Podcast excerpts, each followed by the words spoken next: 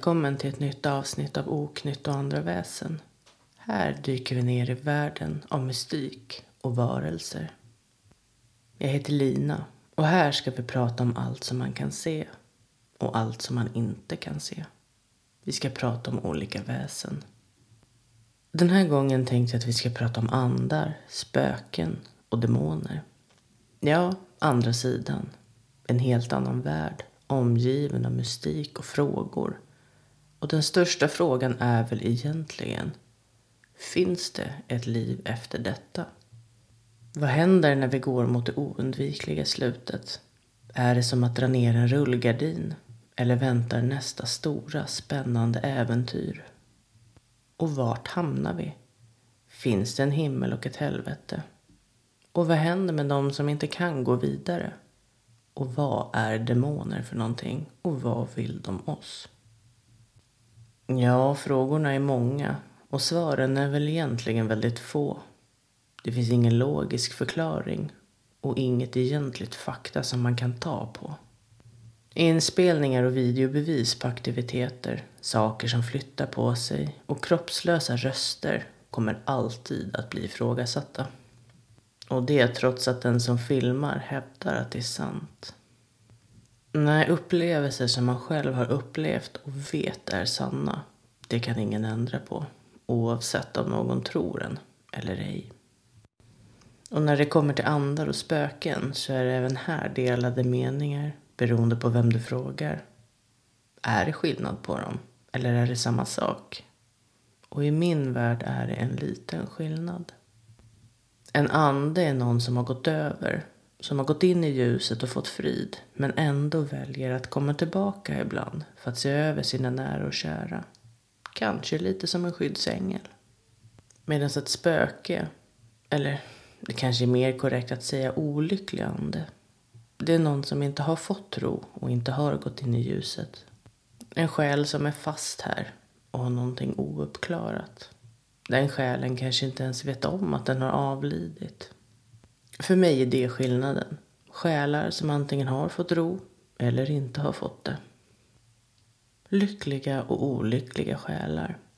Men oavsett om spöket är fast här eller olycklig så tror inte jag att de släpar runt med kättingar och jämrar sig. Vissa kanske är fast i ett ögonblick som de återupplever om igen. Eller är fast i en viss känsla och på så sätt kanske det skapar en atmosfär för oss levande som kan upplevas som otäck och göra oss rädda. Och en ande väljer ju som sagt själv att komma tillbaka. De väljer att följa oss genom livet och i de stunderna när vi behöver det som mest för att ge oss tröst. Att man vid de tillfällena när man känner sig ensam får en känsla av att det är någon annan i rummet. Trots att man inte kan se någon så känner du en tydlig närvaro. Och en ande kan komma i form av en dröm.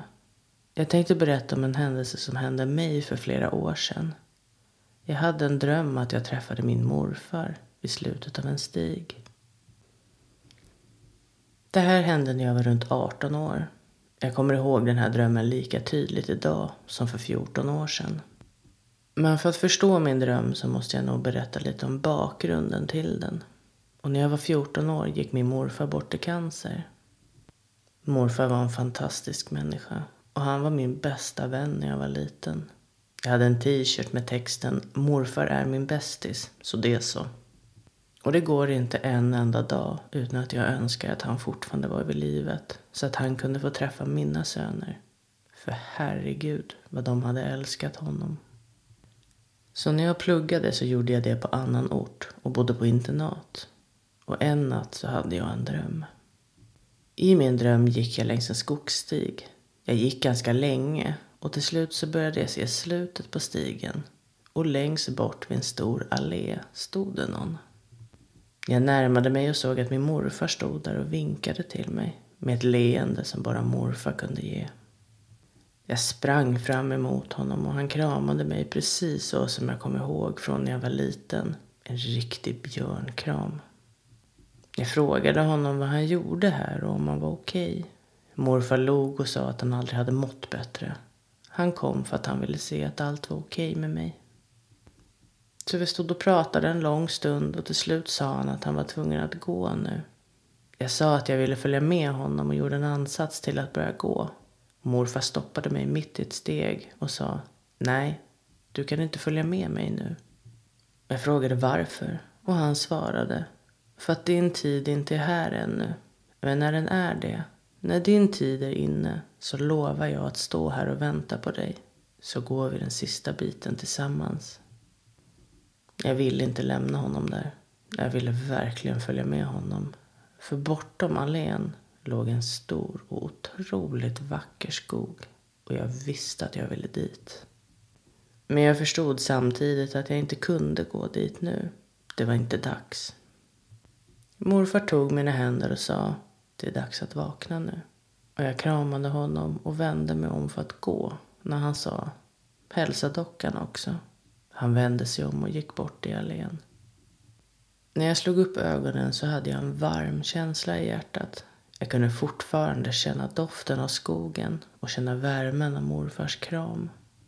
Jag gjorde mig i ordning för att gå till första lektionen och försökte ringa mamma. Hon var redan på jobbet och kunde inte svara. Men under lektionen så ringde hon upp och jag gick ut för att prata med henne. Jag var bara tvungen att berätta att jag hade drömt om morfar. Och när jag hade berättat klart så säger mamma att morfar alltid kallade henne för dockan när hon var liten. Och då visste jag att drömmen var sann. Mamma har nämligen aldrig nämnt det för mig. Jag hade ingen aning om vad morfar menade när han sa hälsa dockan. Jag är övertygad om att jag träffade morfar. Det var inte bara en dröm. Och jag tror att den stora vackra skogen bortom allén var himlen och det var inte min tid ännu. Han kom för att jag behövde honom då och så ville han skicka en hälsning till sin docka. Jag vet att när min tid kommer så kommer morfar att stå där i början på allén och vänta på mig. Och han kommer ge mig en sån där bamsekram och vi kommer att gå tillsammans in i skogen. Så ja, skeptiker eller inte. Jag tror med hela mitt hjärta att jag träffade morfar i min dröm. Och ibland så kan jag känna en doft som påminner mig om honom. Jag tror att det är hans sätt att tala om att även fast han har lämnat jordelivet så har han inte lämnat oss. Man måste nog bara vara öppen för att kunna ta emot budskapen. Men spöken då? Eller olyckliga andar? Och om ni har hittat hit till oknytt och andra väsen så har ni nog garanterat sett på det okända eller spökjakt. Och de tillsammans med medium besöker ställen där själar är kvar. Hemsöker sig helt enkelt. Andar som har gått vidare och in i ljuset hänger ju inte riktigt kvar för att hemsöka sin gamla gård i Dalarna eller sin gamla lägenhet på Söder. Nej, här är det spöken som hemsöker och stökar omkring. Vilsna själar som av någon anledning inte har hittat in i ljuset. Och någonting som man kanske ofta frågar sig är vad kan spöken göra? Och vad kan de inte göra? Det i sig är väl som allt annat i den paranormala världen en tolkningsfråga. Och olika beroende på vart i världen man befinner sig. Och att synas för oss människor är någonting som spöken kan göra när de vill. De kan alltså välja att hålla sig undan också. Och är man medial känner man närvaro lättare. De kan även skapa ljud och göra sina röster hörda. Och för att kunna göra det så krävs det otroligt mycket energi. Med andra ord så behöver de hjälp. Och energin till att göra det här, det får de från sin omgivning. Från oss människor till exempel. Vissa säger att spöken kan ta hjälp till att få energi från de elektriska fälten runt omkring oss också. Elektricitet.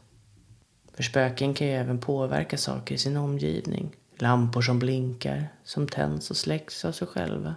Föremål som byter plats. Knackningar och höga dunsar. Som när man ligger i sängen mitt i natten och man hör hur någon går i det andra rummet. Eller hur någon går i trappan. Men man vet att alla andra i familjen ligger och sover. Och ibland kan det hända så mycket i ens bostad eller på en arbetsplats att man funderar på att ta in ett medium. Och nu behöver man inte vara ett medium för att få upplevelser och en viss kontakt med spöken. Upplevelser kan man ha oavsett om man är medial eller inte. Men medium är otroliga.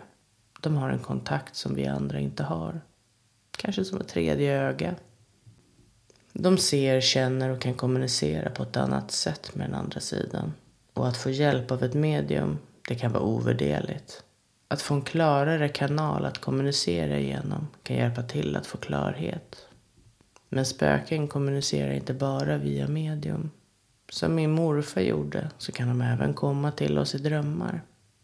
Och det finns ju en teori som säger att vårt undermedvetna är mer öppet när vi sover. Att vi är mer mottagliga och på så vis kan motta budskap bättre än när vi är vakna och alla skydd i kroppen och psyket är på alerten. Ja, mycket finns det som spöken kan göra. Och det är klart att det här är ett ämne som skrämmer många. Och fascinerar. Och det finns även saker som spöken inte kan göra. Och spöken kan inte skada dig fysiskt. Och den rädslan som man kan känna kan i sig vara skadlig. Den psykologiska effekten av att vara rädd för någonting. Men ett spöke kan inte skada dig. Det anser i alla fall de flesta kulturerna. Att kunna påverka föremål, det är en sak. Men det innebär inte att spöken har full kontroll på sin omgivning. Och den mängd energi som det skulle behövas för att fysiskt skada någon, det kan de inte frammana. Det här är ett väldigt intressant ämne och många har varit med om saker som har fått en att tro på den andra sidan. Du kanske har legat i sängen en sen kväll och ska sova. Och sen hör du någonting som tassar upp för trappen och hoppar upp i sängen och kommer gåendes upp emot dig. I tron om att det är din katt som kommer sträcker du ut handen för att klappa den. Men det finns inget där. Du visslar på katten och den kommer jamandes upp för trappen och upp i sängen. Du kanske ser gestalter och skuggor när det inte finns någon i närheten. En röst som säger något. Eller bara känslan av att känna sig iakttagen. Så vad gör man då? Ska man verkligen behöva leva med att känna sig iakttagen och vakna på natten av fotsteg? Bara den tanken kan vara skrämmande. Men nej, det är klart att om det blir obehagligt och att man blir rädd, då är det dags att hjälpa spökena över. Hjälpa dem till ljuset och ro i livet efter detta. Ett jobb för ett medium.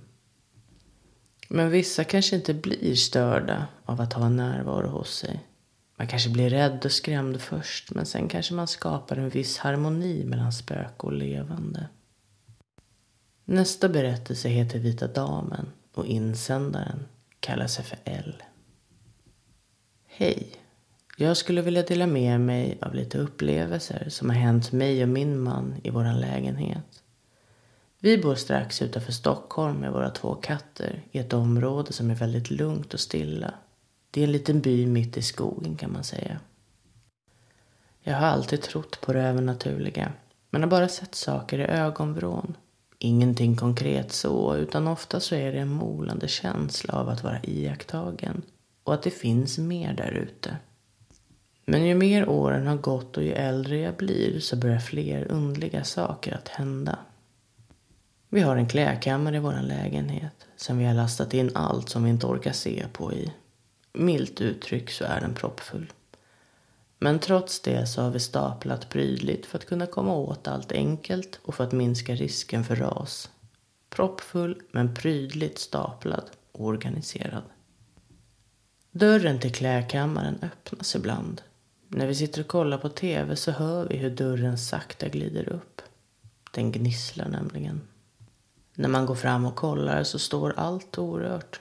Precis i det prydliga kaos som vi har lämnat det. Och inget står så att det kan nudda dörren eller handtaget. Vi har till och med provat att stapla om allt ifall att det skulle vara någonting som kommer åt så att dörren öppnas. Men det funkar inte. Dörren glider upp ändå och vi hör det där gnisslandet. När man hör det mitt i natten så blir man lite olustig. En kväll när jag står och hänger tvätt och ska precis hänga upp ett par tröjor mitt emot dörren så hör jag hur det knackar. Jag står och lyssnar och hör det igen. Tre knackningar. Jag inser att det är från klädkammaren som knackningarna kommer ifrån. och jag lägger handen på dörren. När knackningarna kommer på nytt så känner jag vibrationerna ifrån dem på min handflata som jag har tryckt mot dörren. Jag viftar för att få min mans uppmärksamhet och vinkar honom till mig när han ser mig. Jag pekar på dörren och han sätter sin hand bredvid min. Knackningarna kommer igen och den här gången känner vi båda vibrationerna i handflatorna. Men när vi sen öppnar dörren så är ingen där. Ända sedan vi flyttade in hit för fem år sedan så har elen krånglat. Men bara i klädkammaren. Det sitter en lampa där inne och den lever sitt eget lilla liv. Ibland funkar den och ibland funkar den inte. Ena dagen så fungerar inte elen. Men nästa så lyser lampan så fint så. Vi har till och med klagat hos hyresvärden så de skickar en elektriker för att kolla upp det åt oss. För att försäkra oss om att det inte finns något glapp någonstans. Men icke. Det finns inget glapp. Elektrikern kunde för sitt liv inte förstå vad problemet var för något.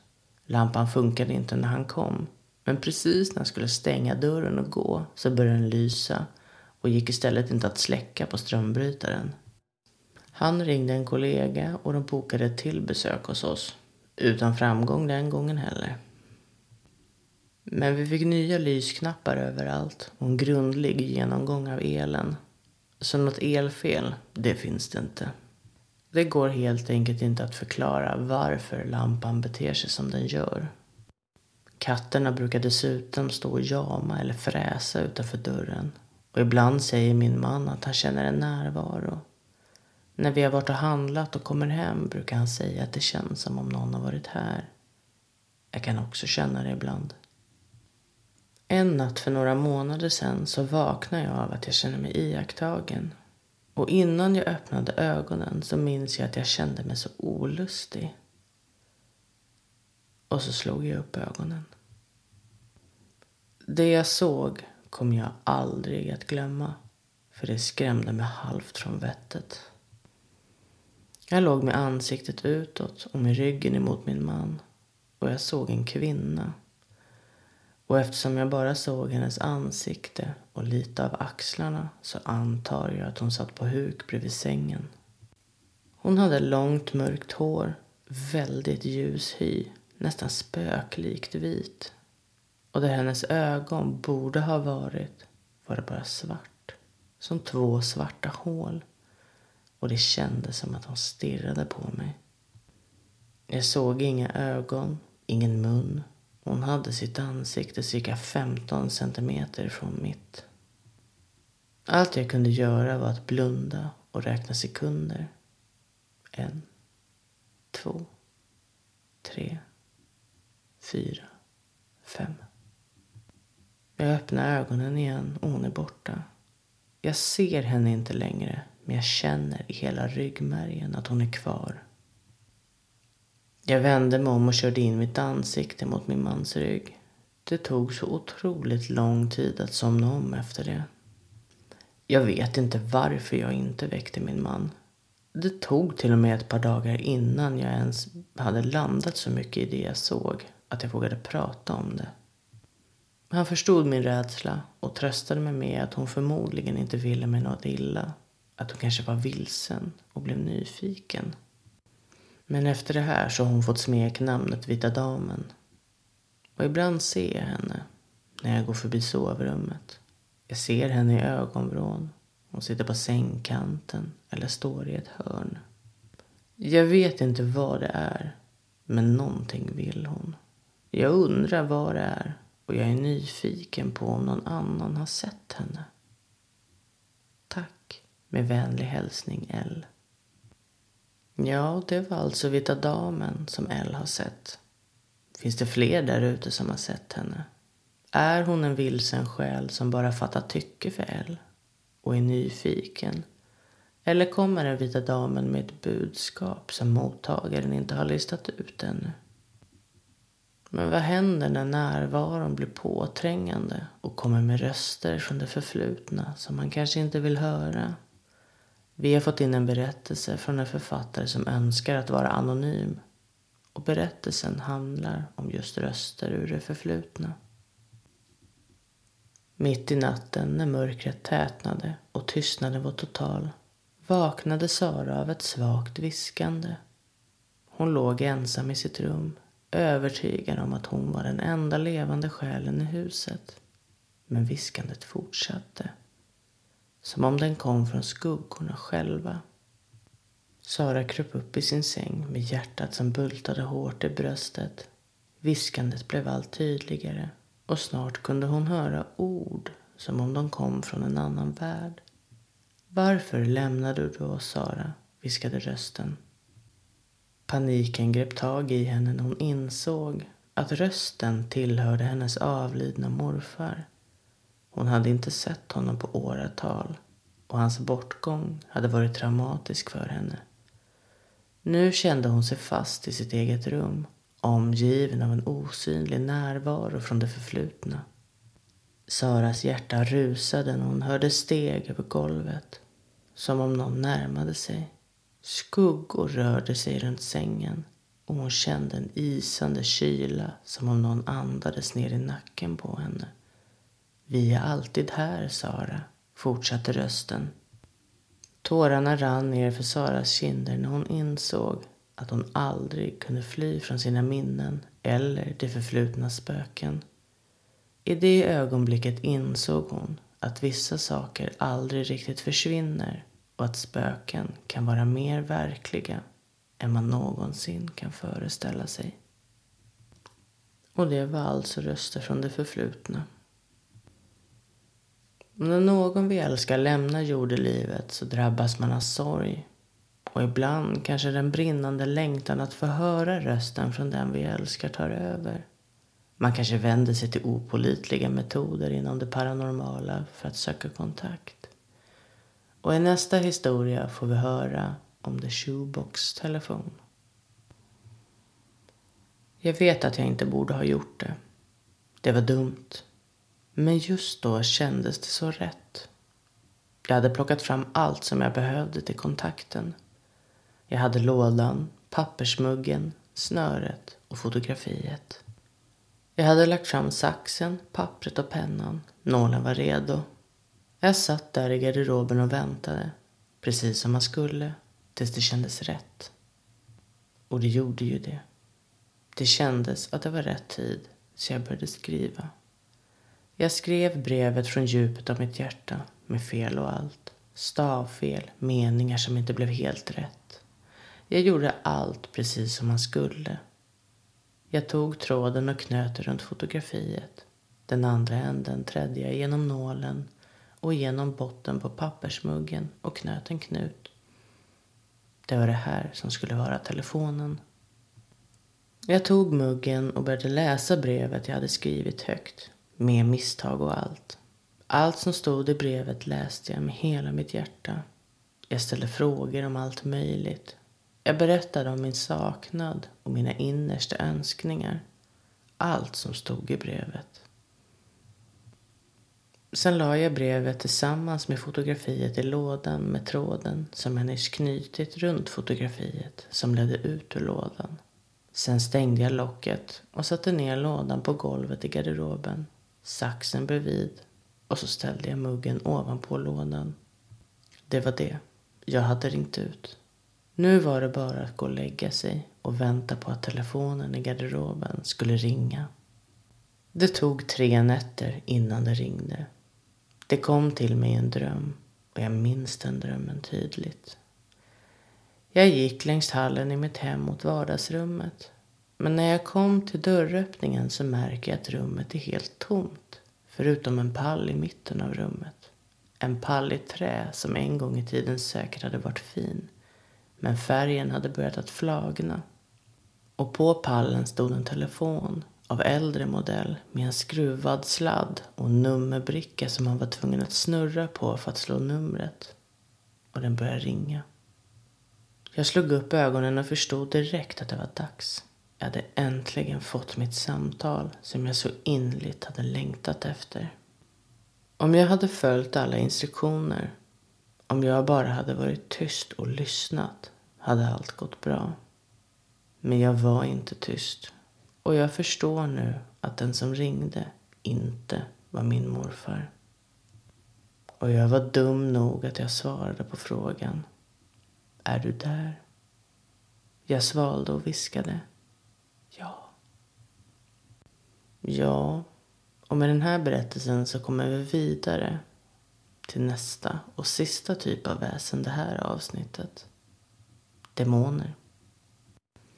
Var en demon som hördes i andra änden i skokartongtelefonen. Många associerar demoner med skräckfilmer som The Conjuring, The Nun och Insidious. Men vad är demoner och vart kommer de ifrån? Demoner är övernaturliga varelser och tron på dem går förmodligen tillbaka ända till äldre stenåldern. Det kanske grundar sig i rädslan för det okända. Men även demoner är en tolkning. Beroende på vad du tror på är det olika vad en demon är och vad de står för. I Bibeln säger man att demoner är fallna änglar som tjänar Satan. Dessa demoner blev förvisade och nerkastade från himlen till jorden efter upproret tillsammans med Lucifer. De följer Satan som sin ledare och kämpar med att omintetgöra Guds plan. Och vissa demoner är fria att ströva omkring i vår värld medan andra är förvarade i mörker, bundna med eviga bojor för deras synder. Och de här varelserna har förmåga att ta en fysisk kropp i besittning. Därför kallas de för andevarelser. Och när en människas kropp är fullständigt kontrollerad av en demon handlar det om besättelse. Vissa säger att det inte kan hända ett gudabarn eftersom den helige ande bor i hjärtat hos dem som tror på Kristus. Medan andra säger att det är fullt möjligt. Demoner livnär sig på bland annat rädsla. Och oavsett hur troende man än är så bär vi alla på rädsla ibland. Och det finns även de som tror att demoner är varken goda eller onda. De är helt enkelt kaoset förkroppsligat. Och om de får förlåtelse så släpps de in i himlen igen. Men majoriteten av oss är nog övertygelsen om att demoner är onda varelser och att man ska vara väldigt försiktig. Men hur kan man vara säker på att det är en demon närvarande? Svavel. När du känner en lukt av svavel så kan det betyda att en demon är närvarande. Men det är inte den enda lukten som de kan föra med sig. Det är inte ovanligt att man känner odören av lik, kadaver eller brandrök. Plötsliga och skrämmande händelser som inte kan förklaras kan också tolkas som ett tecken på demonisk närvaro. Och vissa tror att fysiska symptom som plötsliga sjukdomar eller smärta kan vara resultatet av en demonisk närvaro även det. Människor har även rapporterat om att de har hört ovanliga ljud eller sett skugglika figurer i samband med demonisk aktivitet. Så ja, andar, spöken, onda andar och demoner. Det är en otroligt stor värld och omöjligt att prata om allt i ett enda avsnitt. Därför tänkte jag att vi fortsätter prata om den andra sidan och allt som tillhör det nästa gång också. Då kommer vi även att prata om lekar som man inte bör ge sig in i. Så, vad tycker du om oknytt och andra väsen? Har du kanske någonting undligt som har hänt dig? Mejla gärna in på oknytt och andra vasen gmail.com och berätta. Med det sagt så säger vi hej då för den här gången. Tills nästa gång.